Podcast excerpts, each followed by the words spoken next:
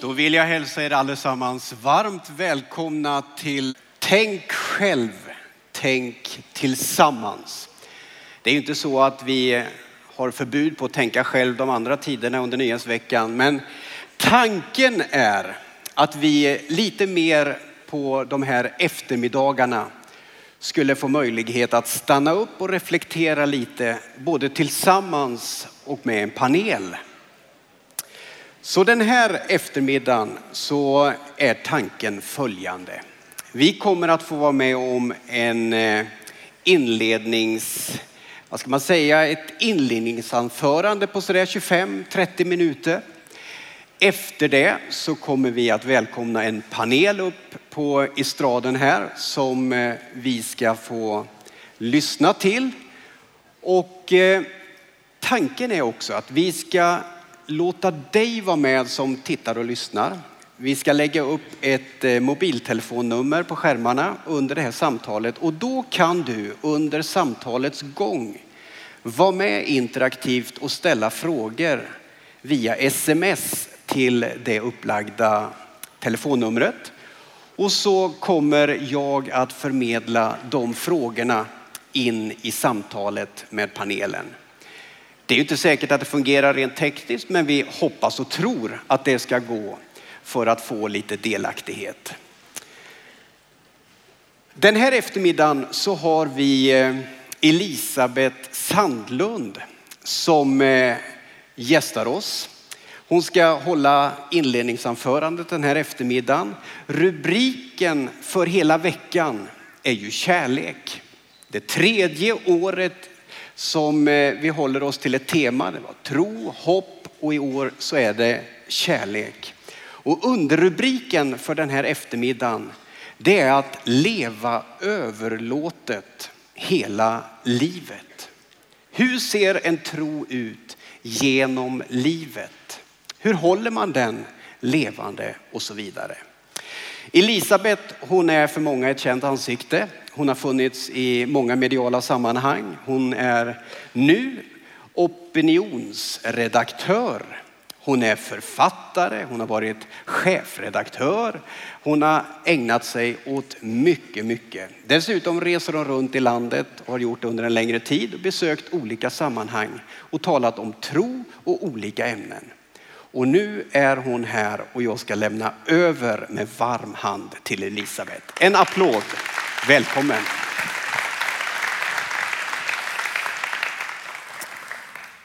Tack, tack. Jätteroligt att få komma hit. Första gången jag fick förmånen att tala på Nyhemsveckan, det var nio år sedan. Då var jag nybliven chefredaktör på dagen och då fick jag komma hit på måndagen och berätta, tala tror jag väldigt mycket om min, mitt eget liv, min egen väg till tro och sådär. Ja, att leva överlåtet hela livet, det är ju ett jätteviktigt ämne och det gäller alla och en var, alldeles oavsett hur våra omständigheter ser ut. Eh, och det är ju tur det. För om det var så att det bara gällde de som hade varit kristna just ett väldigt långt liv och, och så, eh, då skulle jag vara fel person att inleda det här samtalet. Alltså ni kanske inte tror det, eller ni tror det alldeles säkert inte när ni ser mig, men jag fyller snart 17 år. Det är bara några veckor. Det står något annat i passet, det går inte att komma ifrån. Personnumret säger något annat. Men det är faktiskt så att eh, jag fyller 17 år alldeles snart. Jag blev född på nytt, heter det ju.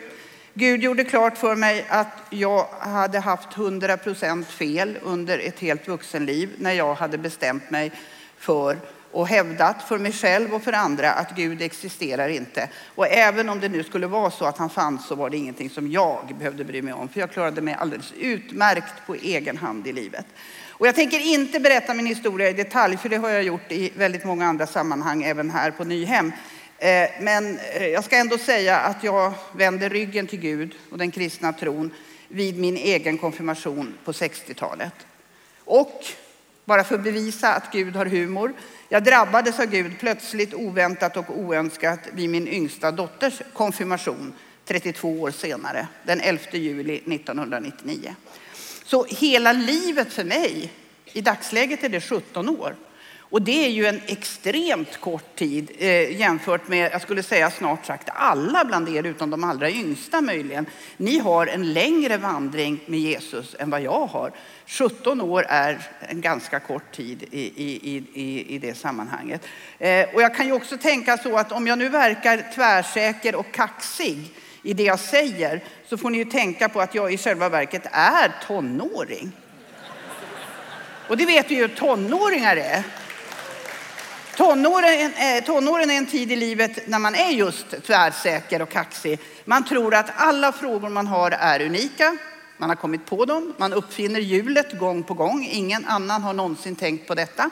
Och man tror också och är helt övertygad om att de svar man kommer fram till är självklara och giltiga för alla. Så är det när man är tonåring och jag är ju faktiskt tonåring. Ja, Lite grann ska jag ändå dra min egen personliga historia. Eh, inte förspelet, men det som hände efter den där konfirmationen. Det tog sex veckor.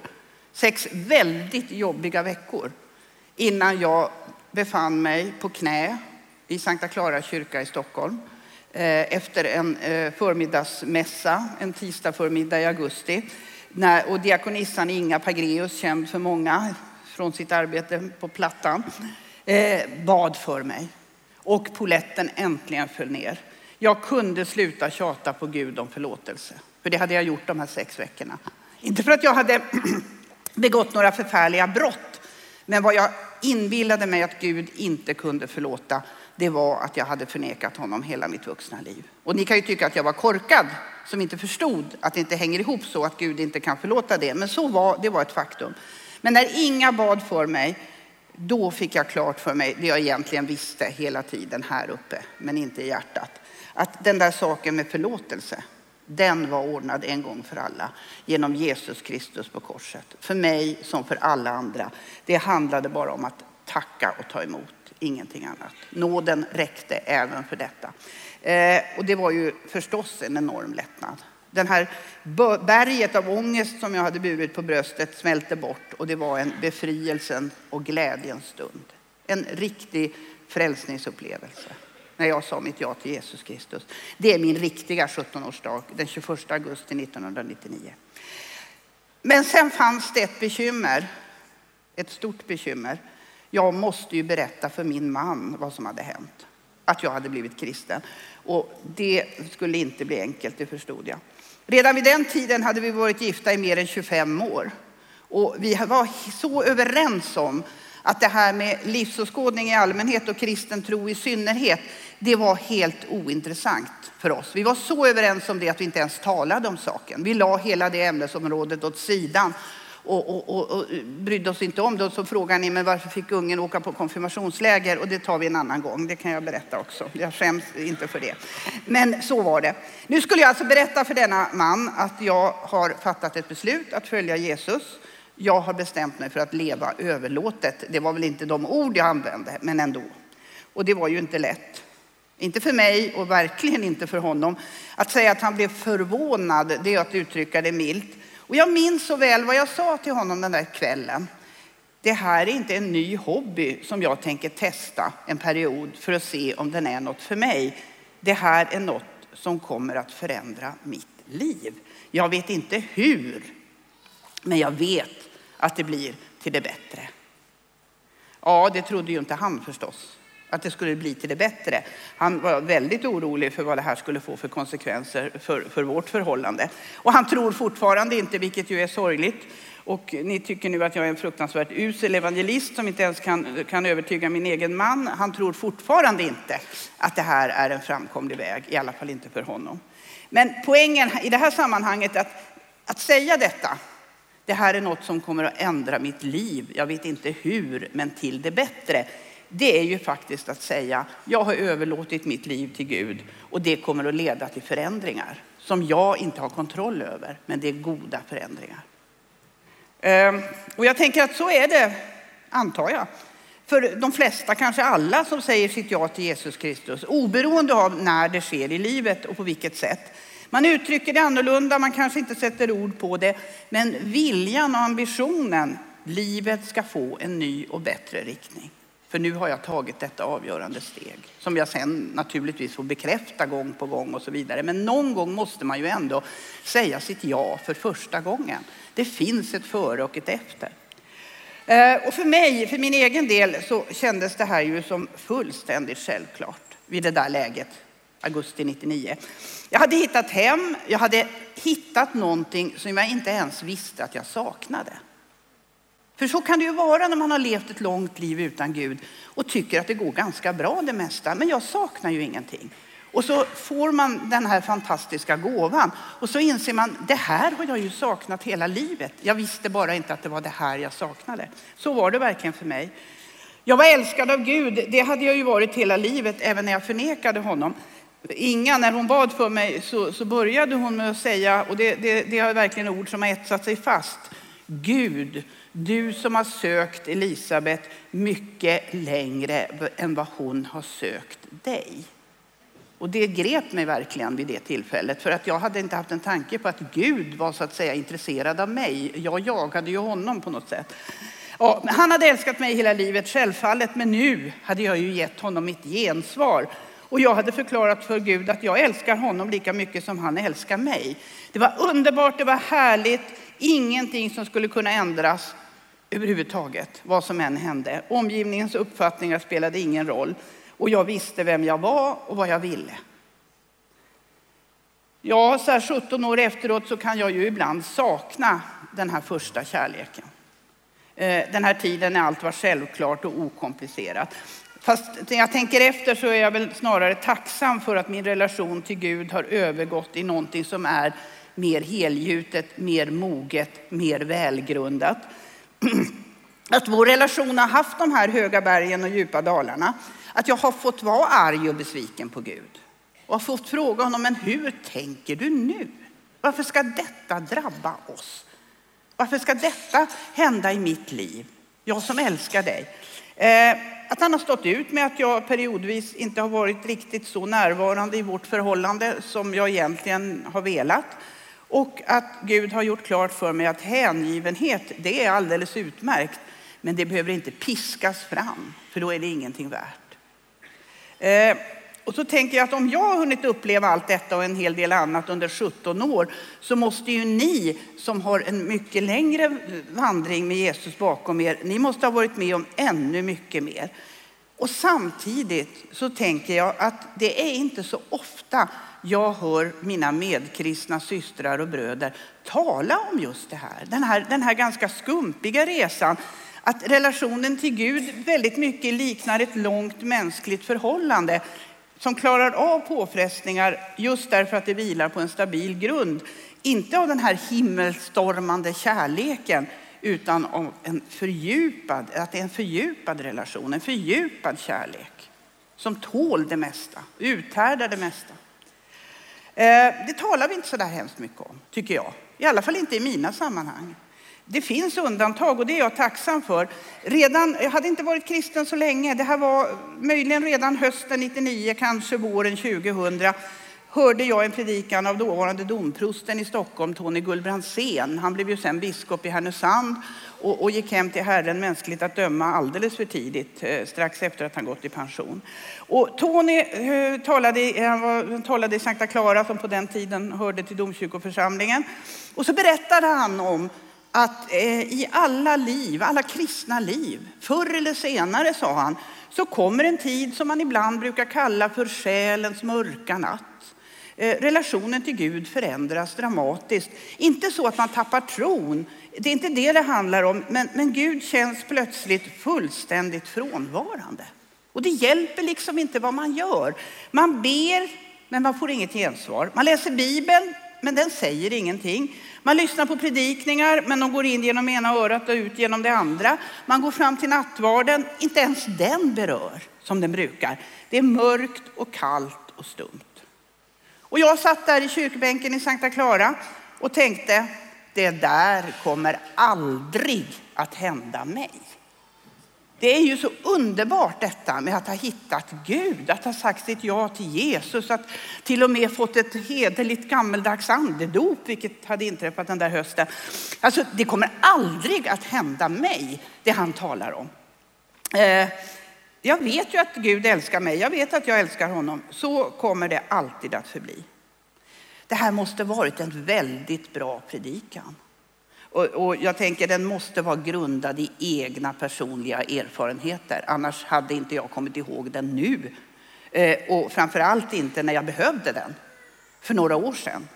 När just det som aldrig skulle hända ändå hände. När den här mörka natten sänkte sig över mig, precis som domprosten beskrivit det.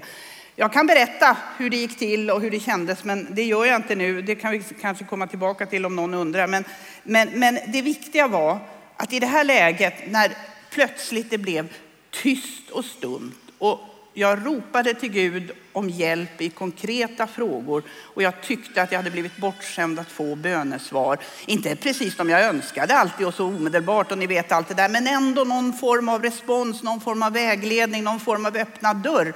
Och det hände ingenting. Eh, I det läget så, så var det viktigt att jag kom ihåg de råd som domprosten hade gett. Eh, han, han, han sa att när ni kommer, inte om, utan när ni kommer i den här fasen, fortsätt att leva som om. Som om det betyder något att be, som om Bibeln säger någonting, som om gudstjänsten är viktig, som om nattvarden talar till dig. Och jag tror att han jämförde det med när man har skadat armen svårt och behöver träna upp den.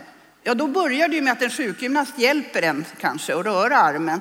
Och så småningom får man ta i med den egna armen och föra den upp och ner och fram och tillbaka och röra på den. Och till sist får man tillbaka sin styrka. Om man inte gör något av detta så kommer armen att förtvina. Musklerna förtvinar och försvinner och armen kan bli obrukbar för all framtid. Eh, man, man, måste, man måste träna sig på det viset. På engelska säger man ju fake it till you make it. Låtsas tills det fungerar. Eh, och det var det råd som, som, som, som domprosten gav. Och jag följde dem. Jag kom ihåg dem, jag följde dem och efter några tuffa månader så var jag tillbaka på spåret. Och fick uppleva det som Tony också sa i sin predikan, att när man väl har gjort den här ökenvandringen, den här andliga ökenvandringen, så, så gått genom den här mörka tunneln, så, så är det inte ovanligt att man upplever att relationen till Gud har fördjupats på ett sätt som man faktiskt inte kunde räkna med. Ja, min poäng i det här sammanhanget är mycket enkel. Vi måste våga tala med varandra om att det här med att leva överlåtet ser olika ut i olika faser av livet. Att det inte är något att vara rädd för eller skämmas för att det finns perioder när gudsrelationen förändras. Det är inte fel på Gud, det är inte fel på mig, det är inte fel på tron. Det är något som händer. Jag tror att det här är en viktig hjälp som vi kristna måste ge varandra om vi ska kunna leva överlåtna liv. Så det var punkt ett det. Berätta för andra, särskilt för de som är nya i tron, att ett överlåtet liv ser olika ut. Det är inte en jämn, eh, slät väg. Och relationen till Gud, även om man aldrig tror att det kommer att hända, så kommer den att utsättas för påfrestningar. Eh, jag tror att det är ett viktigt budskap för att hjälpa andra att hålla fast vid tron, även när det mörknar. Eh, och det är viktigt i, i vår gemensamma vandring. Eh, och detta med ordet gemensam, det är ett nyckelord, det är min andra punkt. För mig är det otänkbart att leva ett överlåtet liv hela livet utan en kristen gemenskap. Och jag var väl naiv, för jag trodde att det var självklart för alla kristna. Och jag har sällan blivit så förvånad som när vi för några år sedan på dagen skrev en serie linjeledare där vi slog fast våra ståndpunkter i tolv olika frågor. Eh, både samhällsfrågor och mer inomkyrkliga frågor, bibelsyn och annat. Eh, och en del av de här var ganska kontroversiella och det som jag tänkte att det här kommer ju ingen ens att höja på ögonbrynen åt, det var när vi skrev om församlingens roll. Och skrev just detta, vi som kristna är skapade till gemenskap, inte bara med Gud utan också med varandra. Och att dagens uppfattning är att, att församlingen måste ha en viktig roll i varje kristens liv. Då kom de här kritiska och arga mejlen. Hur kan ni påstå det? Vet inte ni allt elände som sker i församlingarna? Hur kan ni hävda att inte jag kan vara lika kristen om jag nöjer mig med att gå en skogspromenad och inte ha någon församlingsgemenskap? Eh, bland dagenläsare alltså. Visste vi inte detta, hur negativt det kan vara? Jag fick skriva en uppföljande artikel och försöka i görligaste mån gjuta olja på vågorna eh, utan att göra avkall på den här grundläggande hållningen. Jag är så tacksam för min kristna gemenskap. Jag har en, en, en kyrka som jag kallar min, där jag hör hemma. Och det ska jag verkligen säga, allt är inte problemfritt, inte ens i Sankta Clara. Kanske allra minst där. Ni känner till Sankta Clara, ni vet vårt arbetsområde, alla dessa tilltufsade som Karl-Erik Salberg brukar tala om. De är ännu fler idag än när han var, var ansvarig för verksamheten. Vi har våra duster i vår församling och jag har ibland lysande idéer om vad vi ska göra för att göra det ännu bättre. Och tyvärr så får de inte alltid det gensvar som jag tycker att de förtjänar. Det är stökigt, bökigt, rörigt och jobbigt. Men det är ett liv. Det är ett liv i gemenskap, en gemenskap där jag får växa, utvecklas och i bästa fall hjälpa andra att växa och utvecklas. Jag brukar hålla alfaföredrag på våra kurser. Och ett, en av de här föredragen, i den finns en berättelse om en man som kommer till sin själasörjare och säger, jag är så olycklig. För, för, för jag, glöden i mitt kristna liv har försvunnit. Jag känner inget längre. Och den här kloke gamle prästen, och det här är ju i England så det finns en kolbrasa förstås. Eh, den här kloke prästen han säger ingenting. Han tar bara den här mörka svarta ensamma kolbiten som ligger vid sidan av brasan. Och så tar han eldgaffeln och makar in den i elden. Och vad händer? Den får nytt liv. Den börjar glöda, den börjar brinna. Han säger ingenting, det räcker. Han, budskapet har gått fram. Utan kristen gemenskap tror jag att det är omöjligt att leva ett helt liv i överlåtelse. Det kan gå bra i perioder och det, vi kan alla hamna i lägen där vi känner att nej, jag måste hitta ett nytt sammanhang. Jag är mellan församlingar som det heter. Eh, jag är på väg någon annanstans, jag har inte riktigt landat någonstans och så. Men att i längden försöka leva ett överlåtet liv utan att nötas mot andra kristna, det tror jag är omöjligt. Och jag tänker att det här måste vara ett viktigt argument som också behöver bli tydligt eh, när människor kommer till en församling. Eller om det är någon som försöker dra sig ur och man märker börjar liksom falla ifrån. Eh, det är ju väldigt viktigt att man säger till människor, du behövs i vår gemenskap. Vi vill alla bli behövda. Vi vill alla känna att vi har en viktig uppgift att göra. Vi växer av det. Ni skulle se min, min dotter Ulrika, alltså hon som konfirmerades 99 som ju är utvecklingsstörd. Eh, hennes, en av hennes uppgifter i vår kyrka är att ringa i kyrkklockorna. Det är inget svårt. Man ska trycka på en knapp och föra upp en spak, det räcker. Ah, många kan göra det, men är hon i kyrkan och det är hon så ofta hon kan, då är det hennes jobb. Det är hennes uppgift. Hon behövs för detta hon är så väl medveten om det, hon är så lycklig över det och hennes glädje sprider sig till de som finns runt omkring. Hon är inte så, jag är övertygad om att hon förstår att det här kan någon annan göra, men för henne är det så, jag behövs. För vem skulle annars ringa i kyrkklockorna? Eh, så är vi alla på ett eller annat vis. Men jag tänker att, att det räcker inte med att vi får höra det. Vi behöver också våga säga, du behöver gemenskapen för att din tro ska bestå och utvecklas livet ut. Gemenskapen behöver dig, men du behöver gemenskapen. Det måste vara ett tydligt budskap och det är min punkt två. Utan kristen gemenskap är det omöjligt att leva i överlåtelse. Jag hoppas jag hinner med en käpphäst till eh, som också har relevans i det här sammanhanget. Och det handlar om att berätta om vår tro för andra. För varje gång vi gör det så stärks vår egen tro och vår egen överlåtelse. Den här uppgiften att gå ut i hela världen och göra alla människor till lärjungar, den, den gäller ju varje kristen. Den gäller ju inte bara någon slags utvald skara eh, evangelister, missionärer, pastorer, präster.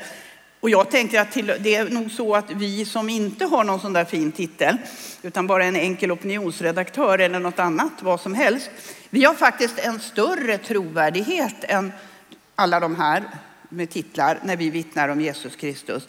Vi har ju inte betalt för att tro på Gud, vi gör det ändå. Det kan faktiskt vara så att det budskapet når fram ännu bättre. Och den här kallelsen, den är gemensam. Sen får vi utföra den på olika sätt. Jag gillar att tala offentligt. Jag tycker det är underbart. Åh, vad många människor som hör mig på en gång. Eh, det är min kallelse, det är mitt sätt. Eh, men jag är usel på att vända mig till grannen på tåget eller bussen och fråga om hur har du det med Jesus idag? Jag, skulle, jag, jag klarar det inte. Och den helige ande kan, kan knuffa på mig hur mycket som helst och, och liksom säga passa på nu, nu sitter ni här i flera timmar på tåget och hon ser ut som en sökare. Och jag klarar det inte ändå. Jag menar, det är pinsamt men det är ett faktum. Eh, andra är det precis tvärtom med. Har lätt att tala personligt på tu man hand svårt och tycker att det är jättejobbigt att tala offentligt. Det här är väl jättebra det. Tänk om vi alla hade samma gåvor. Det var tråkigt det vore. Eh, jag, jag, tänker att den här effekten att berätta om sin tro är dubbelriktad. Det var min poäng i det här sammanhanget. När vi berättar för andra om vår tro, oavsett hur vi gör det, eh, och gärna på ett personligt sätt. För jag tror att den personliga berättelsen, det här har Gud gjort i mitt liv. Så här gick det till när jag blev kristen. Den här gången fick jag bönesvar. Då öppnar vi en dörr som är väldigt svår att öppna med enbart teologiska argument i en tid när kunskapen om kristen tro, den rent faktamässiga kunskapen om kristen tro är på väg ner i botten. Om ni inte tror mig så titta på Vem vet mest? Eh, till exempel. Vill man att någon ska åka ut så ställ en fråga om kristen tro för då börjar de flacka med blicken. Eh, så är det och då är det svårt att börja i den ändan, utan då är det enklare att börja med det personliga. Sen behöver vi fylla på med teologi och så vidare. Men min poäng är att när vi, när vi talar om vår egen tro då får det följder förhoppningsvis för den som lyssnar, men också för oss själva. Vi är tvungna att formulera vad vi tror på, varför, ge skäl för vår tro, ge exempel på vad Gud har gjort, svara på frågor. Och när vi sätter ord på detta, då ökar våra möjligheter att den där första kärleken blir bestående, inte bara bevarad som den där förälskelsen, himlastormande förälskelsen, utan att den fördjupas och mognar till något som håller att leva på livet ut och som håller att dö på. Så det var min punkt tre. Tala med andra om din tro för deras skull, men också för din egen. Jag tror att det är en dubbelriktad effekt. Ja, jag är ju EFS-are då, det är vi i Sankta Clara. Så jag skulle gärna vilja sluta med att citera en psalm av, av eh, C.O. Rosenius, EFS förgrundsgestalt, som dessutom parentes, har sina rötter i samma norrbottniska kustby som jag, Rosvik. Det är därför han heter Rosenius. Hans pappa tog sig det namnet nämligen efter byn. Han har skrivit en psalm som finns i psalmboken i de här första delen som vi alla delar. Eh, och sen finns det några verser som bara sjungs i, om ens där, interna EFS-sammanhang som är ganska mustiga. Men, men jag tänker att han har faktiskt ett bra svar. Vad, vad, vad är det att leva, hur, hur lever vi ett överlåtet liv? med Gud och hans vänskap, hans ande och ord samt bröders och systrars förstås, måste man säga 2016, gemenskap och nådenes bord de osedda dagar vi möter med tröst. Oss följer ju herden, vi känner hans röst. Det tycker jag sammanfattar det. Sen tänker jag att i de, i de mustigare verserna, där, där, där utvecklar han det här vidare. Eh, I vers nummer fem. Får Satan mig sålla och synd kräver död. Jag likväl vill hålla i yttersta nöd den stora, den eviga sanningen ren, att en dött för alla och alla i en. Att mitt i min smärta för synder och brott är dock i Guds hjärta allt fredligt och gott. Och jag är för Gud nu rättfärdig och ren. Ty en är för alla, rättfärdig för alla. Rättfärdig, ja, en. Han är inte så dum, Rosenius. Det finns de som säger, han, det var ju jubileum nu och då blev han lite uppmärksammad. Han är värd att läsa. Han, han uttrycker eh, tidlösa sanningar på ett sätt som, som faktiskt griper tag, även om det är ett ålderdomligt språk. Jag tänker, kan man hålla fast vid detta i vått och torrt? Och inte minst detta med bröders och systrars gemenskap då tror jag att vi kan leva ett överlåtet liv till vår sista stund här på jorden. Tack ska ni ha.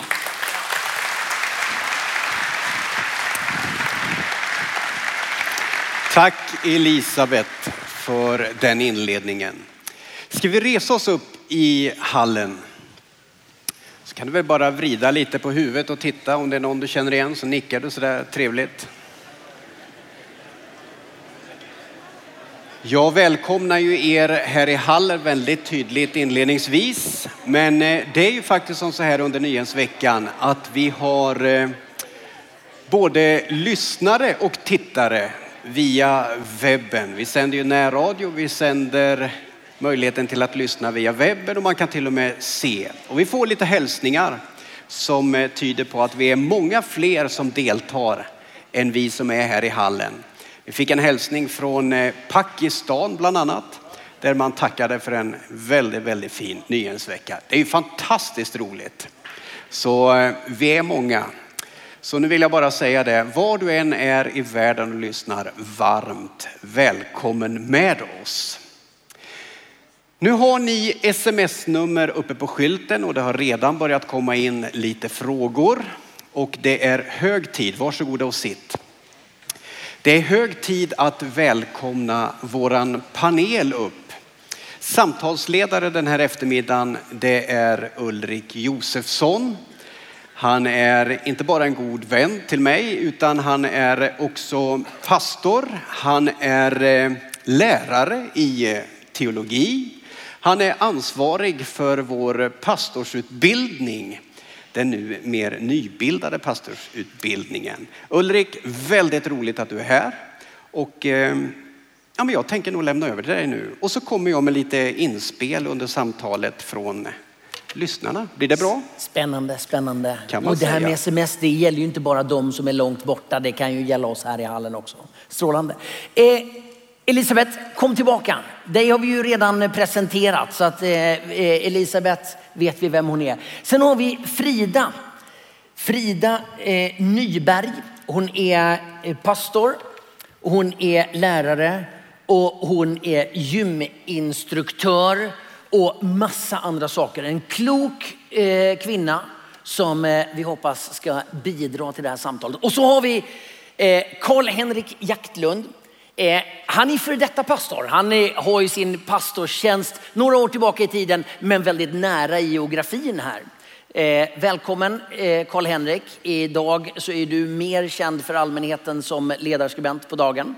Eh, och inte att förglömma, fotbollstränare. Ja, typ. sådana vi, det är ju så. Vi har ju alla många identiteter eh, och det är viktigt i det här samtalet.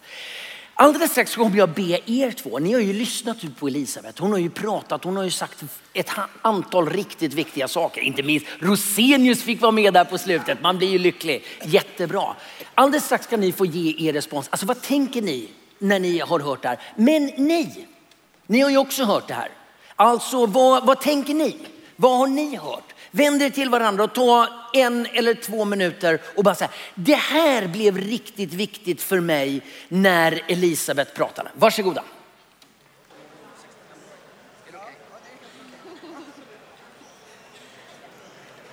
Hörni, det är ju så här, det här samtalet, det skulle ju ni kunna fortsätta att föra resten av eftermiddagen och jag hoppas att ni kommer att göra det när den här samlingen är slut. Det här är viktiga frågor att samtala om.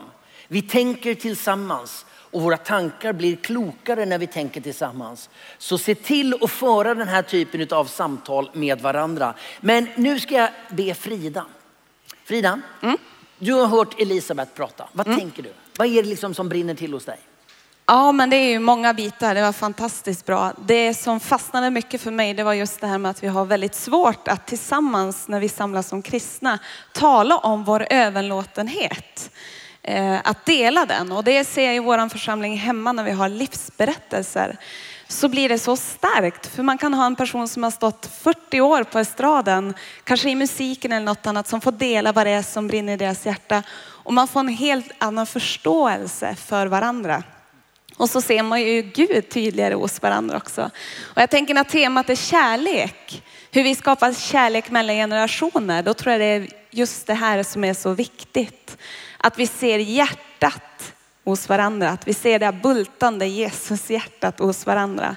Så att tala om vår överlåtenhet, det tror jag är riktigt viktigt för att skapa både gemenskap men också skapa tro hos varandra. Brukar du göra det? Ja, det brukar jag göra Men du eftersom... har ju betalt för det. Just det. Men det har jag inte alltid haft. Nej. Nej. Nej men hur, berätta, alltså, hur går det? Alltså, det är viktigt, okej det verkar vara för dig. Ja. Men hur gör du? Hur jag gör? Ja. Eh, som Elisabeth sa så använder jag väldigt mycket mitt eget liv utifrån att jag har jobbat som lärare och instruktör. Eh, tänkte aldrig att jag skulle jobba i en församling. Det var ju inte, jag var ju inte sån. Och så får jag börja berätta vad Jesus har gjort i mitt liv. Och då händer det ju någonting. Ja. Karl-Henrik, ska man säga Karl-Henrik eller ska man säga Karla? Man får säga vilket som, jag förstår båda. Okej. To- Välj vilket. Vad tänker du? Jag stannar ju då mest vid, inte helt otippat kanske, vid det Elisabeth säger om själens dunkla natt och detta att det inte är så jämnt i de här eh, bitarna. Jag har ju skrivit mycket om eh, bland annat en, en bok som mycket har utgångspunkt i det där att det var svårt för mig att ta steget från tonårstro in i vuxentro. Eh, att det där var väldigt utmanande efter den här tiden. Jag är ju liksom mer eller mindre född och uppvuxen på, på Nyhemsveckan och den här typen av, av konferenser och allting det här var så självklart med det här livet. Och sen att komma hit då plötsligt något eller ett par år senare efter de här tonåren och känna sig som en främling inför det och känna att det här är inte till mig, det här är till de yngre eller till de äldre och allt detta. Och att hamna på något sätt i den här vakuum känslan liksom. För mig har det blivit en, eh, själens dunkla natt är ett sätt att beskriva det och för, för mig har det ofta fått beskrivningen av en Emmausvandring. Där allting var så självklart och givet och sen plötsligt är över och passé. Men att det finns en möjlighet att återerövra det där. När man får eh, sällskapet på den där Emmausvägen och faktiskt få komma ut på andra sidan starkare med en fördjupad gemenskap med Jesus och en större tilltro till honom. Och då en, ett återvändande till den tidigare gemenskapen och berätta, jag har funnit honom en gång till. Jag har överlåtit mig på nytt till honom. Och den berättelsen tror jag att vi behöver lyfta gång på gång. För att eh, människor inte ska stupa på den där typen av trösklar. Det är vad jag stannar till Men det stannar jag alltid till för. Det spelar ingen roll vad hon hade sagt. Så. Oavsett vad Elisabeth hade sagt så hade du haft, det var förberett. Ja, typ. Nej men du, vi ska komma tillbaka både till det här sällskapet på den här vandringen och, eh, och styrkan i om man måste ha. Alltså mår man bättre av en sån dunkel natt? Vi kommer tillbaka till det. Men jag tänker på när, det, det här, de här när du kom tillbaka och kände att jag är främling här. Alltså, vad tänker du om det? Alltså var det, var det du som hade förändrats? Eller alltså, hur var, var låg problemet? Jag tror bara att det, att det är så. Jag tror inte att det liksom finns, alltså jag tror problemet blir ju att jag Kanske att det finns i den här biten att vi den här uppdelningen då, på något sätt, i, om man ser det på församlingsnivå först så är det liksom, det finns en tonårsförsamling. Och där jag kan liksom leva och vara fullt ut engagerad och ta för mig och få undervisning. Men sen växer jag ju ur den. Och så finns det liksom en annan församling som är anpassad för de vuxna. Så jag tror att vi har lärt oss mycket av och blivit bättre på. Men det där fanns ju väldigt tydligt på konferensnivå när jag växte upp. Det var liksom ungdomshelg och så var det ett tonårsmöte som alltid Mats Ernholm ledde. Och det var väldigt bra. Men sen till slut så tröttnade man ju även på Mats Ernholm. På Nej, men till 40-talet. ja, men så ska man ta steget in till det där andra. Och så är man liksom inte riktigt där än. Man är inte där i dess språk. Man talar om andra ämnen som liksom inte engagerar mig och så vidare. Så man är liksom för stor för ett sammanhang och för litet för en annat. Sådär. Och där typen av, eh, jag tror aldrig man kommer, jag tror vi har blivit bättre på det med åren. Men jag tror inte man kommer helt ifrån det där. För det är inte bara en yttre sak, utan det är faktiskt någonting som sker inombords. När man ska, när eh, hormonerna lägger sig i en människa och när tanken vidgas och allt detta. Va? Och man flyttar hemifrån och man går från att vara student till arbete. Det är mycket som händer. Så det går inte bara, det går inte liksom att få bort, men det går för oss att vara medvetna om och möta på ett bra sätt. Nej, men det där är ju väldigt spännande. Elisabeth, du står ju här och, och säger till oss att du är 17. Eh, och du är medveten om att få av oss tror på dig. Eh, och sen förklarar du varför. Jag känner, alltså, är den på? Ja, jag absolut. känner, men du vet med det nu- moderna liksom, sättet att se på detta. Om jag känner mig som 17 så är jag 17. Ja. Okej, okej, okej. Vi bortser från det. Ja. Vi bortser från det. I ditt pass så står det ju en annan siffra. Ska vi delge den? Är det du eller jag som ska säga? Jag kan säga det. Jag, jag, den 11 juli, eh, då, då har jag ju min liksom början på min andliga födelsedag, 17-årsdag. Dagen därpå fyller jag 65 i år. Så att jag är alltså i själva verket snart 65. Lite diskrepans om man säger så, mellan 17 och 65. Ja. Det där, alltså mot bakgrund av vad Karl-Henrik säger om alltså det här med spänningen i tron i förhållande till ålder, man växer, det händer någonting i livet, hormoner lägger sig och jobbet kommer och livet blir annorlunda. Alltså, du var ju inte 17. Du var ju 65. eller du är ju inte 17, du är 65. Eh, alltså, hur tänker du på förhållandet mellan de här dina två åldrar? Jo, men alltså den processen som Karl-Henrik beskriver, det gick jag ju igenom också som ung naturligtvis, men då var jag ju ateist. Så att det, det var ju enklare på det sättet och jag behövde liksom inte förhålla mig till, till kyrka och församling och konferenser och så. Eh, men den har ju alla gått igenom. Eh, men alltså, ja, jag, jag tänker så här också att eh, 17 är ändå ganska många år och så tänker jag att eh, det finns, alltså ibland så kan jag fundera att tänk om min konfirmationspräst den där sommaren på 60-talet hade hört vad jag sa och tagit det på allvar och sagt jag förstår att du inte vill konfirmeras just nu, men låt oss hålla kontakten. Istället sa han att är det bara det att du inte tror på Gud? Ja, men det kan vi ju ordna. Då är det bara att du är tyst när vi kommer till de punkterna i trosbekännelsen som du inte tror på. Då märker inte någon något. Han var mer orolig för att jag var rädd för förhöret än för att det hade något med tron att göra. För det hade han inte kunnat lösa, nämligen förhöret. Men det här hade han en lösning på. Och det var ju spiken i kistan naturligtvis. För då fick jag klart för mig, det här är ingenting att ha. Inte ens prästen tror. Men vad jag menar, tänk om han hade varit klok. Och jag hade kommit till tro, kanske inte då den sommaren, men sommaren efter eller två somrar efter, när jag fortfarande var ung. Vad hade blivit av mitt liv då? Eh, då hade jag ju haft den här långa erfarenheten och med fog kunnat tala om ett helt liv som överlåten förhoppningsvis. Å andra sidan så tänker jag, ja, men Gud är ju inte så dum. Han är ju faktiskt den klokaste som finns.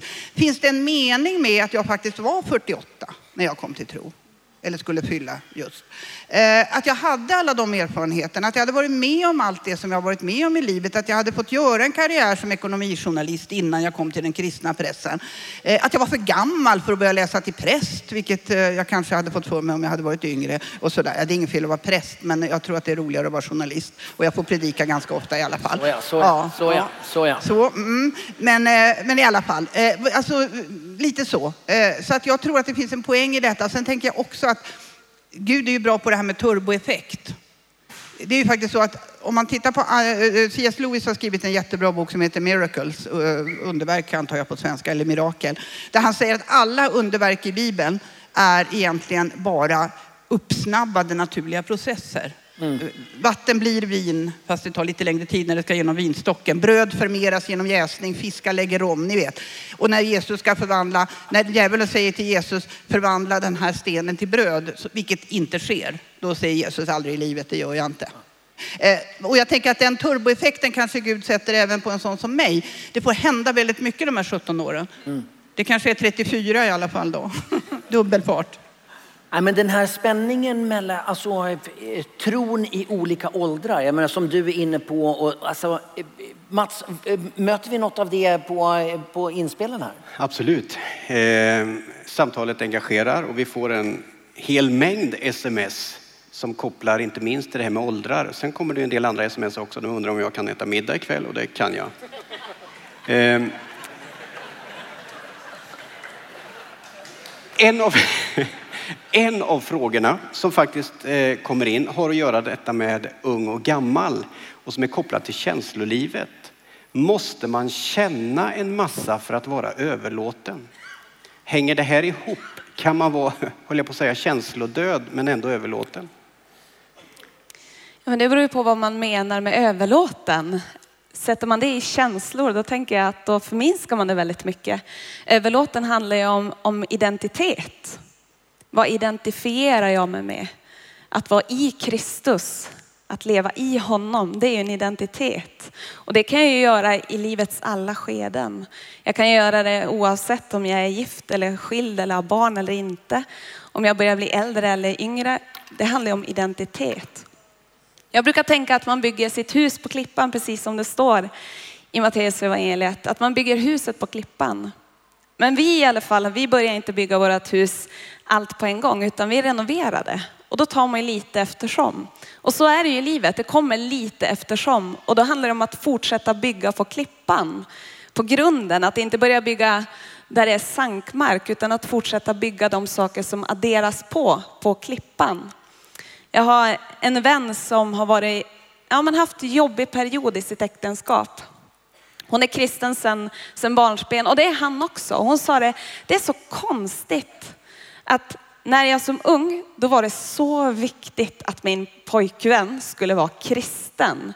Det var en av de viktigaste sakerna jag letade, oavsett hans talanger eller hans sätt eller utseende, så var kristen något som var superviktigt för mig. Men när vi väl gifte oss, då var det som att vi tappade bort det där. Sekulariseringen hade fått komma in ända in i äktenskapet. Och de visste ju att de hade tron, men de delade den inte.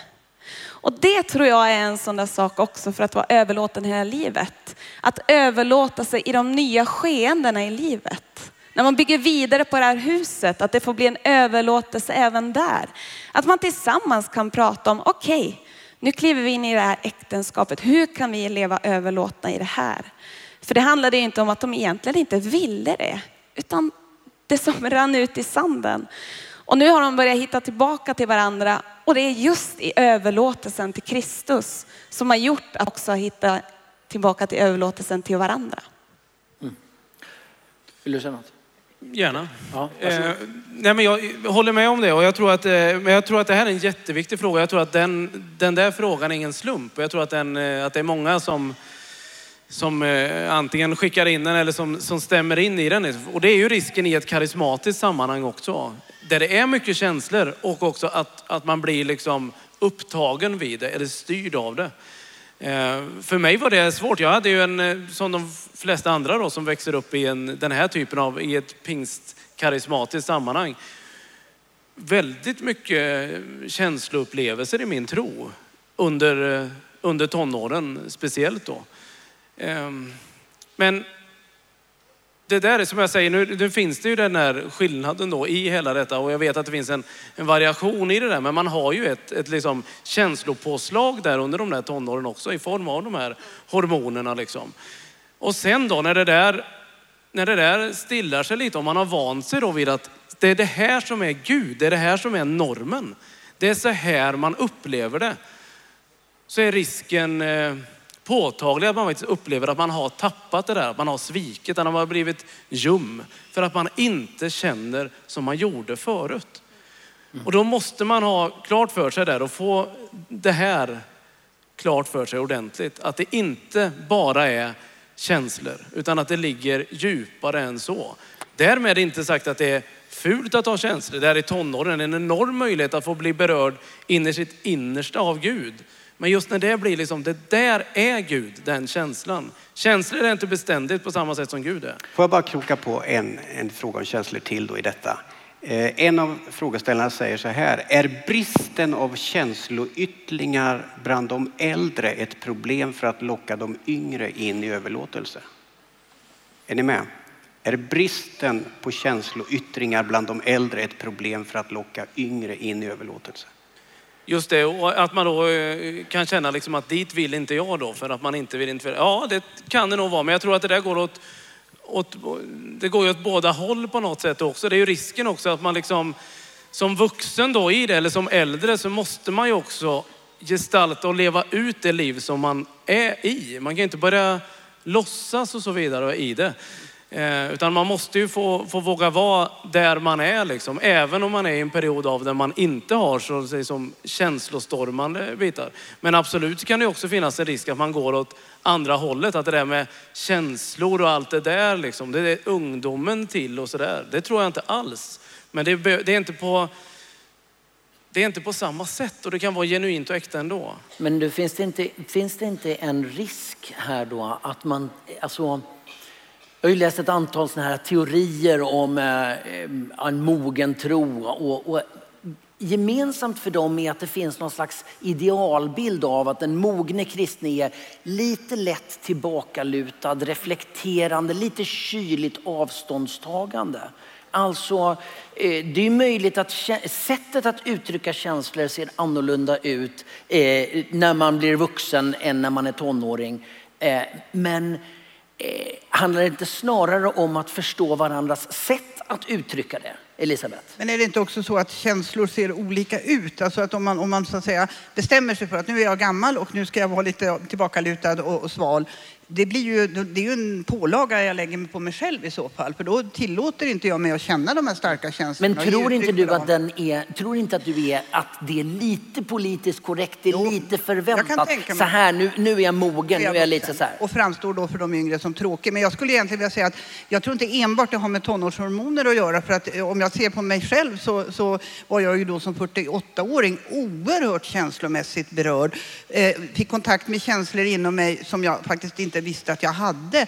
Och, och, och fick bland annat oerhört mycket lättare att gråta efter det jag kom till tro än vad jag hade haft under de här tuffa åren som, som ateist och, och näringslivsreporter där man inte liksom, hur, hur rörande och gripande det än var så skulle man inte visa någonting. Eh, så det hade ju, och det, jag tror inte att jag fick något hormonpåslag som jag skulle ha fått som tonåring utan, utan jag tror att det där är en fas. Och de gånger, eh, och det är ju inte alltid, men det finns ju tillfällen när det här kommer igen. Det kan vara en, en, en lovsång som, som talar väldigt starkt. Det kan vara en nattvardssituation som påminner om den när, när Gud talade till mig första gången på Ulrikas konfirmation. Då får jag ju kontakt med de här starka känslorna och det är ju, det är ju en skatt. Det är ju någonting jag är glad för. Precis. Sen kanske jag inte rusar runt, runt och skriker till alla att oh, jag känner jättemycket just nu. Men jag är väldigt, väldigt glad för det och jag skulle, det gör ingenting om folk omkring märker det. Karl-Henrik? Jag vet eh, Johannes av Korset skriver om just det där om och förklarar varför man faktiskt kan uppleva det där som vuxen också. Han säger att det är som att Gud liksom ger riktigt mycket av sig själv i början av ett liv för att riktigt få tag i en människa. Och sen så drar han sig lite tillbaka utifrån det där. En, därför en nykristen ofta mitt i livet också upplever mycket av känslor, av bönesvar, av insikter och så vidare. Men att Gud hela tiden är den här som också man finner men som hela tiden behöver sökas och därför drar han sig tillbaka och så vidare. Så jag tror heller inte bara att det är det här att det här med hormoner och tonåring och på det sättet. Men att det är liksom en extra förstärkning för väldigt många i de här leden som växer upp.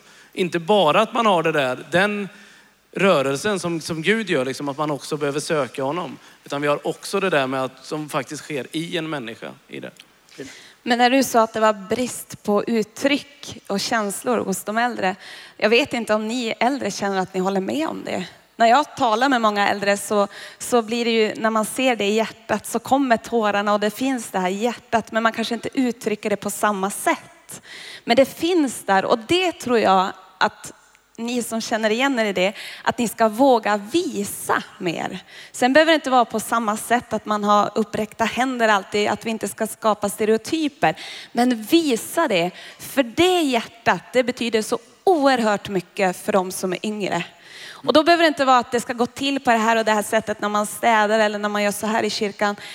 Det kommer att gå till på alla möjliga olika sätt. Men hjärtat, det behöver man ha med sig. Det behöver de yngre få se. Det behöver de yngre få följa och få ta rygg på.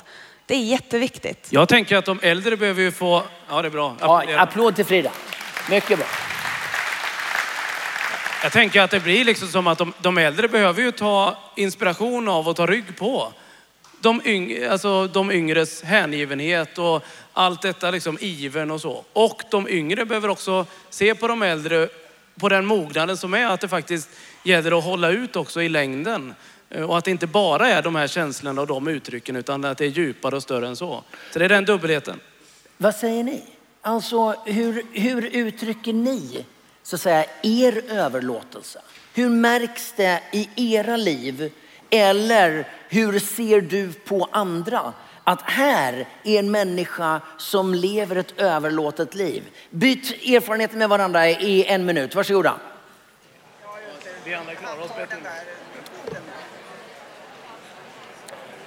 Hörrni, jag säger det igen. Det här samtalet ni för, nu är det ju, jag är ju ofin och bryter det. Jag ber om ursäkt för det.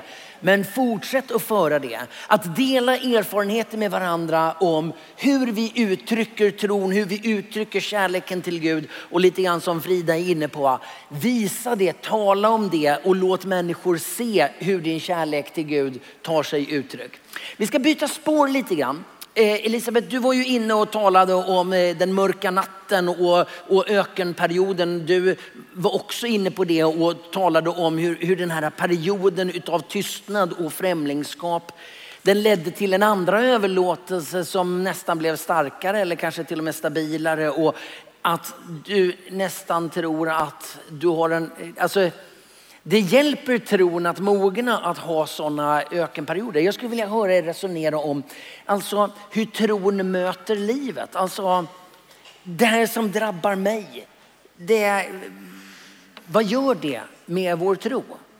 Vart tar tron vägen, överlåtelsen vägen när mörkret kommer över mig?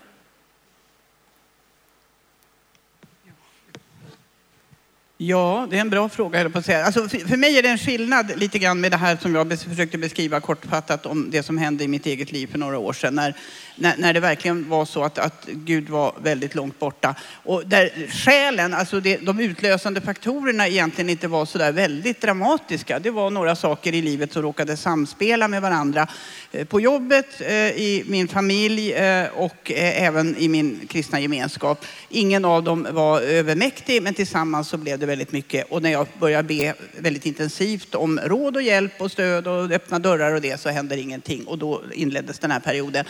Eh, och det, det tror jag, alltså jag, jag tror ju på, på de, de här teoretikerna som säger att det här är en fas i det kristna livet. Det ser olika ut. En del kanske den är väldigt kortvarig, kommer tidigt, andra kommer den väldigt sent några kanske inte ens uppfattar den. Det finns där och det finns en mening med det. Eh, och sen finns det andra, det är ju när det händer sånt i livet som är jättejobbigt. Varför sker hemska saker med goda människor eller vad den boken nu hette. Alltså hur, hur, kan, hur tänkte du nu Gud? Och där har jag ju också ett, ett, exempel som är nu snart tre år när, när plötsligt vår dotter Ulrika då, som har sin utvecklingsstörning eh, och lite annat att kämpa med drabbas av leukemi, vilket ju är en allvarlig och svår sjukdom för vem som helst. Och, och som, hon var 30 då eh, och nu är hon 33.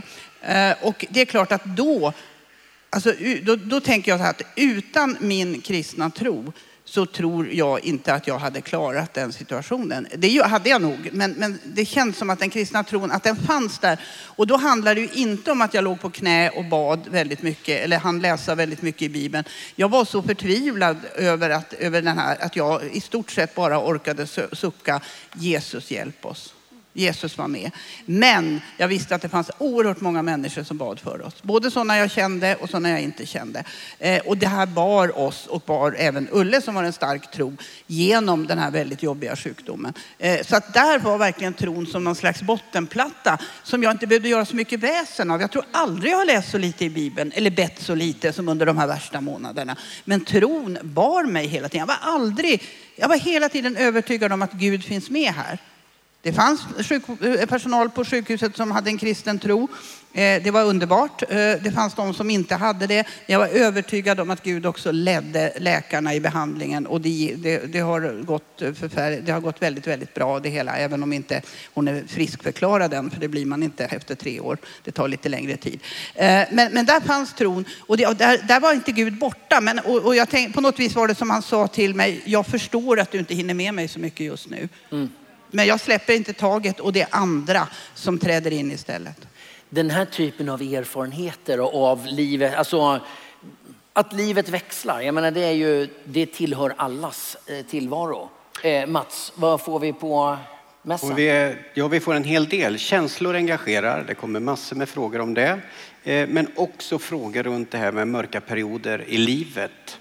Eh, där man eh, undrar då, är det så att mörka perioder ofta för något positivt med sig för överlåtelsen? Jag har alltid tränat mycket, spelat fotboll och innebandy. Och när jag var 21 år så var jag mitt i min bästa karriär. Nej. Men jag tränade jättemycket och hade min identitet väldigt mycket i träningen. Varit uppvuxen i församling, hade mitt hjärta hos Jesus. Eh, och så var jag med om en skidolycka i Riksgränsen, åkte skidor och bröt det mesta. Så att jag hade gips och så hade jag någon mitella och så hade jag eh, spikar i benen så att jag satt i rullstol i en månad. Och jag förstod att jag troligtvis kommer bli ganska bra. Men det som hände där och då, det var ju att jag funderade om jag skulle sitta i rullstol hela livet. För det kan ju faktiskt hända om det skulle vara så att jag inte hade möjlighet att göra det jag hade byggt upp mycket av min, mitt liv och min identitet i. Vem är jag då? Och då startade just den här processen av överlåtenhet på ett annat sätt på något sätt. Det är svårt att förklara, men det var som att, nej men Gud, det är, du är den enda som håller. Du är klippan, det är det jag måste bygga mitt liv på. Sen kan jag ha alla de här sakerna till det som ger både glädje och hälsa och ja, men allt det som finns i livet runt omkring oss. Men någonstans så föll det där på plats i mitt hjärta att nej men det är Jesus, du är den enda som håller. Så att jag, jag har upplevt att mörka perioder har varit svåra. Jag har andra perioder nu mer nära i livet som har varit jobbiga. Men där vi har fått se bönesvar, där vi har fått se Guds trofasthet. Men det är ju oftast när man tittar bakåt också.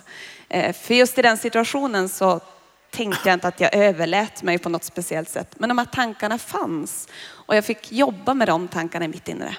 Får jag skicka med en fråga då till, jag vet inte ålder på den som skriver självklart, men frågan kommer ändå. Måste man drabbas av mörka perioder när det gäller tron? Jag tror, att det är svår, jag tror att det är svårt att leva som människa utan att eh, drabbas av eh, svåra, svårigheter. Alltså rent så. Och då, då hänger ju tron eh, ihop med det. Tron är ju liksom inte skild ifrån livet på det sättet, utan det är ju mitt i. Sen är man ju naturligtvis väldigt eh, olika till sina personligheter. Vissa är ju, har ju det betydligt enklare och har inte liksom den där att någonting tenderar nästan att gå sönder för att man får en motgång och så. Utan det är liksom ingenting man har räknat med att man ska få, få undvika på det sättet. Utan, eh, eh, men jag tror inte, det är liksom inte som att... Eh, Eh, jag tänker ju inte, alltså de saker jag har drabbats av. Jag hade ett par stycken i insteget till mitt eh, vuxenliv också där i slutet på ungdomsåren som jag miste ett par av mina bästa vänner. Ehm, ja, det är ju liksom över 20 år sedan. Det är fortfarande jobbigt bara att nämna om och tänka på. Och jag tror inte att det var någonting liksom som det hände för att, för att jag skulle få en motgång i tron och få, få växa lite. Men det var ändå det som skedde på något sätt, både i tro och som människa. Att jag var tvungen att gå igenom någonting i en period som annars är ganska liksom lattjo på det sättet. Och som tvingades in i någonting. Som gav mig erfarenheter och insikter om mig själv, om vem, vem Gud är. Jag är så, fortfarande så evigt tacksam att precis i den perioden så var det som Thomas Sjödin blev extra tydlig på estraderna och så vidare i, i pingströrelsen utifrån deras familjs erfarenheter. Att den här berättelsen om, om vart Gud är i det mörka fanns mitt i det där och bar in i det. Så där, jag är tacksam liksom för, för det som hände där och jag skulle byta bort den tacksamheten när som helst för att ha dem tillbaka. Det är ju så det fungerar. Men nu Karl-Henrik, alltså det finns ju också andra berättelser, människor som kan ha gått igenom väldigt liknande saker som säger, nej, den Gud som jag trodde på, eh, nej men det, det, jag får inte ihop det här. Jag lämnar detta nu. Ja. Alltså där, eh, där motgången ju inte automatiskt leder till andlig fördjupning, ja. eh, inte ens på lång sikt utan faktiskt leder bort. Vad, vad, vad, tror du var det som gjorde att för dig så blev det en smärtsam mörkerdunkel natt som ändå fick ett ljus och en fördjupning? Vad är, alltså, vad är skillnaden mellan de här, när svårigheten blir den här vattendelaren där vissa lämnar och andra fördjupas? Det är så svårt att säga just i respekt för eh, just att man inte har upplevt just det. Eh, och jag skulle inte säga att det liksom är obegripligt eller fel att man tar en annan väg liksom och på det sättet. Jag tror att man måste våga vara ärlig just med det där. Och ibland så är det ju faktiskt gudsbilder också som måste krackelera. Mm. Hur menar du då? Ja, men en förväntan om att, att ja, men det här, något sånt här kan inte drabba en människa som tror på Gud. En, Gud beskyddar rakt igenom Tänk, mina jordlivet. Tänkte du så i slutet på tonåren? Jag, jag vet inte om, du vet, jag var typ 17 liksom. Jag tänkte inte jättedjupt kanske kring Nej. allt det. Men jag tror någonstans kanske att det, att det fanns, jag hade varit med om en del saker innan som hade bevisat att det inte var så. Så jag fann, hade med det. Men jag tror att, att, att, att det finns de som har den tron med sig. Klart, möter man någonting då, det är klart att det blir ett extra starkt slag. Elisabeth? Ja, jag, jag tänker att det är just därför det är så viktigt att man delar också de jobbiga erfarenheterna. Så att man som kristen får klart för sig att andra kristna har också gått igenom svårigheter. Och det, när du nämner Thomas Sjödin så funkade det ju i det fallet lite så. Att en person som, som, som liksom en synlig kristen berättar om så här förfärligt hemskt är det på ett plan, men Gud finns med i alla fall. Eh, och att vi behöver det. Vi behöver dela de berättelserna. Som, vi har goda vänner, min man och jag, som säger att vi har, de har varit gifta lika länge som vi. Och det är hemskt många år då eftersom, ja. Eh, och de 43 är det snart för oss på, imorgon. Imorgon har vi med vår 43-åriga bröllopsdag. Eh, inte illa va? Eh, nej. Man, får man skicka med en hälsning till Ja, mannen? då, absolut. Ja. Jag vet inte om jag vågar framföra den, men skicka den du. Men i alla fall, de säger vi har aldrig grälat. Tänk att jag tror ju inte på dem. Och jag tror inte att det är bra att de, i så fall om de inte har grälat på 43 år. Eh, vi har grälat jättemycket min man och jag. Det gör man i en, ett äktenskap. Man är oense. Det är samma sak med gudsrelationen tänker jag. Man måste våga tala med varandra om att ibland har jag varit så arg på Gud så att jag i stort sett har velat göra slut med honom. Men han har bevisat att han finns där även när det är som mörkast det är. Vi har en, en Gud som kan lidandet. Han har lidit mer än någon av oss eh, någonsin behöver göra. Och det tror jag är en viktig poäng också i evangelisationen. Eh, också när man vill nå ut med det kristna budskapet. Vi erbjuder inte någon, någon glassig tillvaro som kristen. Vi erbjuder en Gud som vet vad lidande vill säga. Jag tror att det är ett oerhört viktigt budskap i vår tid. Eh, och i alla tider, men inte minst nu. Sen tänker jag också att precis som det finns människor som tappar tron i samband med omskakande upplevelser så finns det ju faktiskt, och jag känner sådana, som kommer till tro. Ja. Till exempel när man har mist ett barn. Det, det kan inte vara slut. Det måste finnas en förlängning. Det måste finnas en fortsättning. Det också, det väger i viss mån upp kanske. Eh, Någon slags posi- läggs, bör läggas i den vågskålen. Det är också ett sätt att reagera eh, i en mycket svår, i svåra situationer. Ämnet för den här eftermiddagen är ju leva överlåtet hela livet. Och då tänker vi ju att här, här ser vi en linje. Det innebär att det vi gör i en fas av livet kommer att påverka hur vi möter livet i en annan fas. Du talar om att det handlar ju också om vilken gudsbild jag har med mig i mötet med livet. Hur tänker ni kring det här med, nu är vi lite grann tillbaka till det här med olika åldrar. Alltså, hur mycket ansvar ska man ta i arbetet bland barnen för att lägga en grund som ska hålla när man är 25? Alltså för man kan ju inte ha 25-åringens undervisning i söndagsskolan. Alltså hur, hur tänker ni kring det?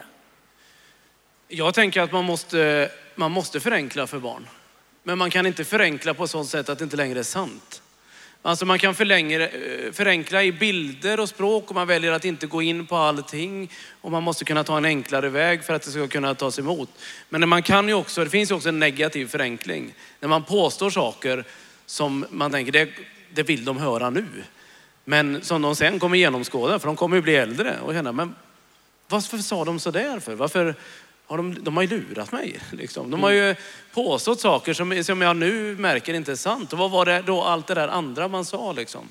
Eh, Men man måste ju göra den typen av, av eh, förenkling och faktiskt kunna förskona barn från en del bitar. Man måste inte tänka på allting hela vägen eller mötas av allt, utan det där får ju komma successivt. Eh, Så, det får ju vara ganska enkelt och grundläggande som barn och sen i tonåren så kan det komma in ett lite mer mått av liksom problematiserande när man får olika perspektiv och får eh, vänja sig vid det och eh, utmaningen i det där liksom. Jag tänker att också där handlar det mycket om att visa sitt hjärta. Att som förälder eller som medvandrare till ett barn, om man är släkt eller har dem i sin närhet, att visa sitt hjärta.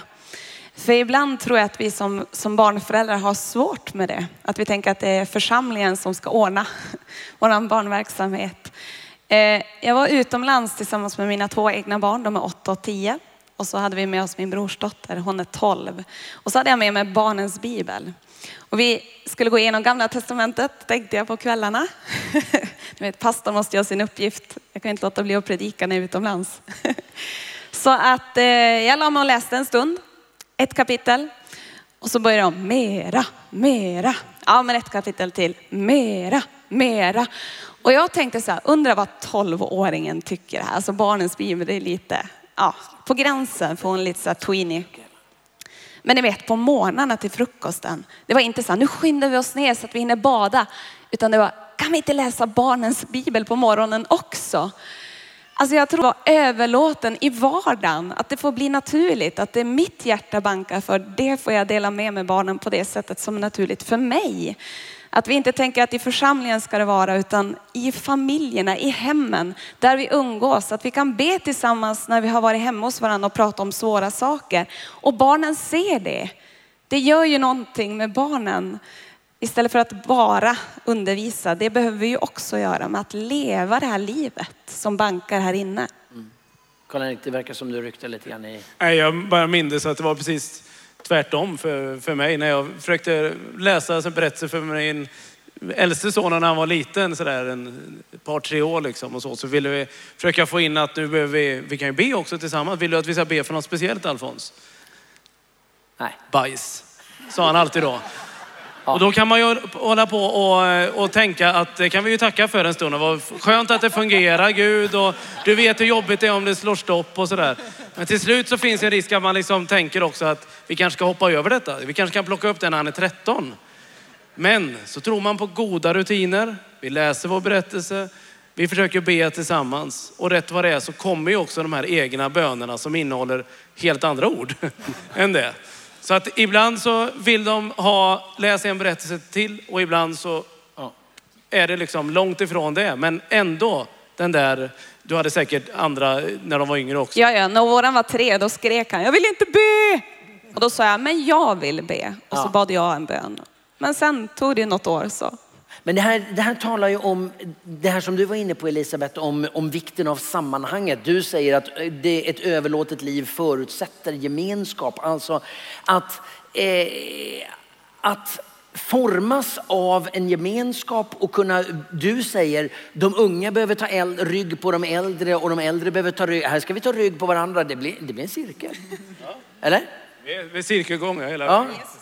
Nej men alltså gemenskapens, gemenskapens roll i den här resan då, som ju är varje persons egen resa, som ser olika ut för olika människor, men där vi alla behöver varandra. Alltså, hur ser ni på, Elisabeth har ju redan lagt ut texten om det är nödvändigt. Hon, hon sticker ut hakan och säger, det går inte att leva överlåtet utan, eh, utan att, att hitta den här, åtminstone inte långsiktigt, hitta den, den liksom fördjupande gemenskapen.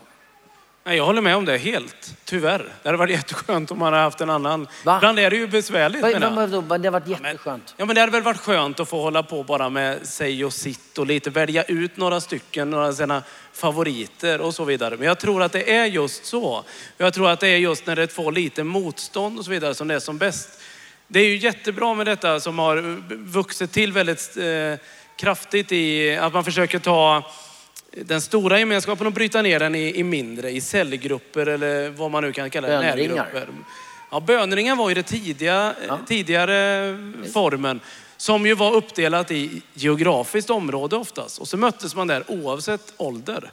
Men cellgruppen har ju blivit mycket mer en tanke om att man ska mötas, de som är i ungefär samma skede av livet och som står i samma frågor. Och det är ju jättespännande att få göra det. Tänk att jag inte är ensam om den här frågan. Tänk att vi har den här problematiken, alla vi som har fått barn. Och sen efter ett par gånger så konstaterar man fortfarande att man har de här frågorna. Vem har något svar då? Det blir ju helt ointressant i längden. Och det är därför just som församlingsgemenskapen är så viktig när man får, få mötas över de här gränserna, mötas med de som, som var där jag är för länge sedan. Och även de som kommer att komma dit sen. Att man får den dynamiken i det. Det är så extremt utvecklande att få ställa sig till en sån gemenskaps förfogande och få bli använd i det, men också få bli utmanad i det. I den typen av kretslopp. Liksom. Så att inte bara söka de där som är som jag, utan faktiskt ha den här gemenskapen bredare. Det är det mest utvecklande som finns. Delar av det här kommer vi ju att jobba med imorgon när vi jobbar med fördjupande relationer och så vidare. Men, men redan här och nu, alltså eh, det här att Att dela livet. Vi har pratat om själens dunkla natt, mörkerperioder, ökenvandringar. Vad är er erfarenhet? Alltså, en sån här gemenskap måste ju bygga på att jag kan vara ärlig. Alltså om gemenskapen handlar om att nu glider jag dit och visar upp min fasad, den blir ju, då blir det ju snarare ett problem än en tillgång. Ja, och jag tänker ju, när jag tänker på det här, så jag tänker Emmausvandringen. När de går där och Jesus kommer till dem, men de förstår inte att det är han. Därför, när han ställer frågan, vad går ni och pratar med varandra om? Då är de helt ärliga. De säger, vi går och pratar om allt det som har hänt. Han med Jesus från Nasaret, han som vi trodde var en profet som nu är död. Hade de vetat att det var han, risken att de hade, jo vi gick ju här och pratade om hur härligt det är med dig. Och att du skulle komma tillbaka och nu är du här. Det är så lätt att det blir det. Men just det där att få se den här ärligheten hos dem. De säger precis som det är. Precis så illa som det är utifrån facit. Vad Jesus skulle vilja egentligen att de svarade. Han skulle vilja säga att vi går och pratar om vår förväntan på att han ska komma tillbaka. För han sa det så många gånger. Men de svarar ändå enligt facit, för det är det enda de har. Det de bär i sig. Deras svar kommer fram där. Och det har jag försökt ta intryck av så många påminna mig om. Kom inte nu med dina påser och allt det som förväntas och som folk som du tror att folk vill höra. Du måste våga säga hur du har det på riktigt. För bara den som vet vad den är kan ta sig någon annanstans. Mm. Ja, det där är bra. Eh, ska han få en applåd nu också? Bra. Ja, nu är det risk att det blir ett bibelstudium här. Det hade ju varit härligt. Lukas 24. Men alltså, det, när de går där på vägen så börjar Jesus lägga ut texterna. Han har en ja. grund för dem. Men det är ju först efter att deras ögon har öppnat som de säger, brann inte våra hjärtan när vi gick där på vägen? Det är i efterhand som de ser vad som hände när de gick där på vägen, eller hur? Precis, precis. Och de upptäcker honom i hemmet. Förlåt. Ja? Mats tittar strängt på mig. Jag var på väg att börja lägga ut texterna. Jag ber om ursäkt för det. Du är eh, samtalsledare. Eh, en fråga bara då som kommer.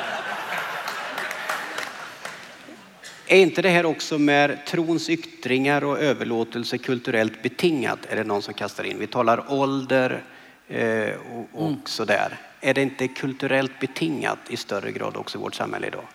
Ja.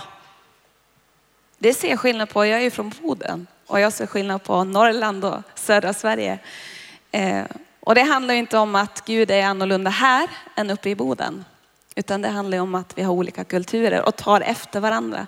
Och därför är det så viktigt att ha sin identitet grundad i Kristus. Att veta vad jag tror på, på vem jag tror på. Eh, för att känna att, ja men, fast jag inte gör precis så där, så är min tro precis det den är här inne. Det är ingen som kan säga att jag har någon annan tro bara för att jag gör annorlunda. Men jag tror absolut att det är kulturella beteenden som vi håller på med. Och det behöver vi vaka över.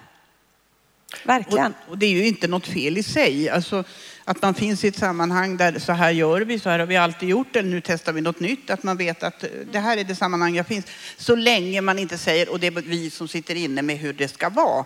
Eh, och att man också för egen del har en, har en öppenhet för att testa. Att det kanske är faktiskt så att jag också kan känna mig hemma på ett ställe där man gör någonting som jag inte är van vid. Att man har den nyfikenheten och öppenheten. Överlåtelsen finns ju där hela tiden oavsett om jag är någonstans eh, som i min egen kyrka där vi, där vi sjunger lovsång med händerna i vädret och, eh, i gudstjänst, varje högmässa eller i en mer konventionell eh, svenska kyrkan där man inte gör så. Den enda som har svårt med det är ju min dotter Ulle för hon, sjunger man då någon sång som vi sjunger som lovsång då ställer hon sig upp och gör så här för att visa hela församlingen att så här tillber vi Gud där vi kommer ifrån. Jag, jag är lite mer väluppfostrad så jag brukar sitta kvar. Men, men alltså, eh, vad jag menar är att vi måste också våga vara öppna för andra yttringar utan att säga att Nej, men det där kan ju inte vara på riktigt. De där kan ju inte vara överlåtna. Titta vad stilla de sitter. Eller titta så de hoppar och far. Vilket det nu är. Men det, det, där är ju också, för jag menar, om, om frågan gäller eh, är det kulturellt betingat ja, och vi konstaterar ja men det är det till viss utsträckning. Eh, man kan ju lära sig nya saker, man kan ju se djup eh, hos någon annan. Du rör dig ju eh, i olika sammanhang, det gör vi väl alla mer eller mindre. Va? Alltså, eh, nu har vi ju talat om att, att leva i ett nära sammanhang där vi liksom hör ihop. Så, va? Vad kan man lära sig av överlåtelse genom att se på andra? Andra sammanhang, alltså andra kulturella uttryck. Det är väl just att upptäcka att Jesus inte alls var så liten och på det sätt som jag trodde. Alltså det finns ju en risk att man också tänker att ja, men eh, det, är, det är smalt och porten är trång och så vidare. Va? tänka att det är den enda biten, den enda bilden som fungerar för ett kristet liv. Men det är ju faktiskt också så att, att, att Gud är, är, är bred och stor och liksom som universum och mer därtill. Va? Det finns liksom, man kan inte göra Gud eh, alltså, vi får inte göra honom liten liksom, på det sättet att det bara är min kulturella Eh, yttring. Liksom. Utan det är så skönt att få upptäcka, just få komma till ett annat sammanhang och få se liksom, att här, här rör sig ju Gud också. Eller överhuvudtaget inte i ett kyrkligt sammanhang utan i, i liksom grannskapet och så vidare där du inte alls trodde det. Och få upptäcka att Gud är ju i rörelse här också. Mm. Jag, jag, eh, I min första bok som kom ut för så många år sedan så jag har glömt vad jag skrev i den, som heter Drabbad av det oväntade, så, så citerar jag en, en, tror jag, amerikansk författare som heter Mac någonting, George, Gregor, jag kommer inte ihåg. Men han skriver i alla fall att det finns, om jag nu minns rätt, sex olika sätt identifierar han att närma sig Gud. Han talar om det karismatiska sättet, det diakonala, det kontemplativa. Ja, han hittar sex olika. Och så ger han exempel på, den, alltså naturligtvis finns det bara en människa, en person som har klarat av alla de här metoderna med samma framgång och det är Jesus. Och så säger han, vill vi efterlikna Jesus så måste vi göra det även här. Och när man ser den här listan så tänker man omedelbart, det där är jag. Det där är lite jag. Det där skulle jag aldrig kunna höra mig hemma. Men då menar han att vill man faktiskt bli en Jesus efterföljare, som jag tror är den term som används i alla fall i den svenska översättningen, eh, då har man faktiskt en skyldighet att testa även det som man tyckte kändes så främmande. Om man aldrig har varit och tänkt retreat, aldrig i livet, det är ingenting för mig. Det är sånt där som andra håller på med. Ja, men då kanske man ändå ska testa en kort retreat, bara för att se vad gav det mig? Jesus var på retreat då och då. Mm. Han drog sig tillbaka och var tyst. Eh, och, och närmade sig Gud på det viset. Har man aldrig varit i ett karismatiskt sammanhang så kanske man ändå ska våga sig dit. Man behöver ju inte ställa sig upp och vifta med armarna om man tycker det känns Eller också kan man prova. Eller också kan man våga prova till och med för att man rycks med och visa sig, ja men det här var ju också bra. Mm. Och jag, jag, tycker att det där är väldigt klokt och just kopplingen till att om vi vill efterlikna Jesus ska vi också göra det i de här avseendena. Att hur närmar vi oss Gud? Hörrni, det här ämnet, att leva överlåtet hela livet, det är ju förstås ett samtal som vi kan och som vi bör föra nu och hela livet.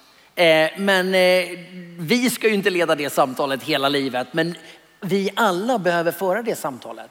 Byt erfarenheter med varandra, dela erfarenheter med varandra, hitta sammanhang där ni kan, kan liksom se det här växa i era egna liv. Eh, men eh, den här delen av den vandringen, den börjar närma sig sitt slut. Eh, och därför så, det ser ut som att du rycker Frida. Du måste få säga något sista. Är det så? Ja. Ja, varsågod. Ja, men jag tänkte från Filipperbrevet 2 och 12. Arbeta på din frälsning. Det tänker jag är något för att leva överlåtet hela livet med fruktan och bävan. Arbeta på din frälsning. Och då handlar det inte om att vi ska prestera och göra en massa, utan det handlar om att blicka på Jesus, vad han har gjort för oss. Att det i varje ny fas får bli levande i vårt hjärta. Vilket fantastiskt slutord. Tack Ulrik, tack kära panel. Tack kära lyssnare för alla de väldigt bra frågor som har kommit in. Som ni förstår så har vi ju bara tagit en liten bråkdel av allt det som har kommit. Men jag har försökt fånga ungefär tonen i frågorna som har kommit, även om de har varierat lite i sitt uttryck. Panelen Ulrik. Tack så Tack. Jag höll på att säga välkomna tillbaks, men inte just den här veckan. inte just nu. Tack så Nu ska jag be att Linus Liljeblad kommer upp för han ska få sjunga en sång för oss så här i avslutningen av den här eftermiddagen. Vi tar ju upp kollekt i stort sett på varje samling. Eh, många samlingar så går det till omkostnader för den här veckan och allt det som vi gör för att utveckla den här konferensen och området. Men den här eftermiddagen skulle vi vilja ta upp en kollekt, en insamling som går till RP-verksamheten. En social verksamhet som jobbar för de utsatta i samhället och som vi har i pingströrelsen. Under tiden som eh, Linus Liljeblad sjunger så skulle jag vilja vädja till dig om att vara med och ge en kärleksgåva till detta växande arbete som vi har i vår rörelse. Tack på förhand för din gåva. Bland alla de sms som kom in den här eftermiddagen så droppade det också in ett antal sms som eh, löd som följer. Just nu är jag i en sån ökenvandring. Eller jag har under en tid varit i en mörk period. Det är svårt att tro på en framtid. Hur ska man kunna vara överlåten när livet är som det är? Jag skulle vilja att när vi har talat om överlåtelse den här eftermiddagen och när de där smsen kommer, att vi avslutar den här samlingen med en bön tillsammans. Och jag tror vi ska resa oss upp. Den Gud som vi tror på är ju en medkännande Gud som ser oss i alla livets situationer. Även när livet är glatt och framgångsrikt men också när det är mörkt och snårigt. Han lämnar oss aldrig. Nu ska jag be speciellt för dig som är i en sån där trång passage och som längtar framåt. Tack Jesus för att vi den här eftermiddagen får landa i detta stora det går att leva ett liv passionerat tillsammans med dig. När man får upp sina ögon för vad du har gjort för oss. Du lämnar oss aldrig. Du är trofast, du är god, rakt igenom. Men nu vill vi avsluta den här samlingen med att be för dem som upplever att livet är riktigt tungt. Man upplever ökenvandringens tuffhet. Och man ber om en utväg. Far i himlen, jag ber att din himmel skulle vara öppen över den som behöver det just nu. Jag ber om en varm hand som tar tag och vägleder i skuggornas land. Tack att du ser de här människorna. I Jesu namn. Amen. Amen.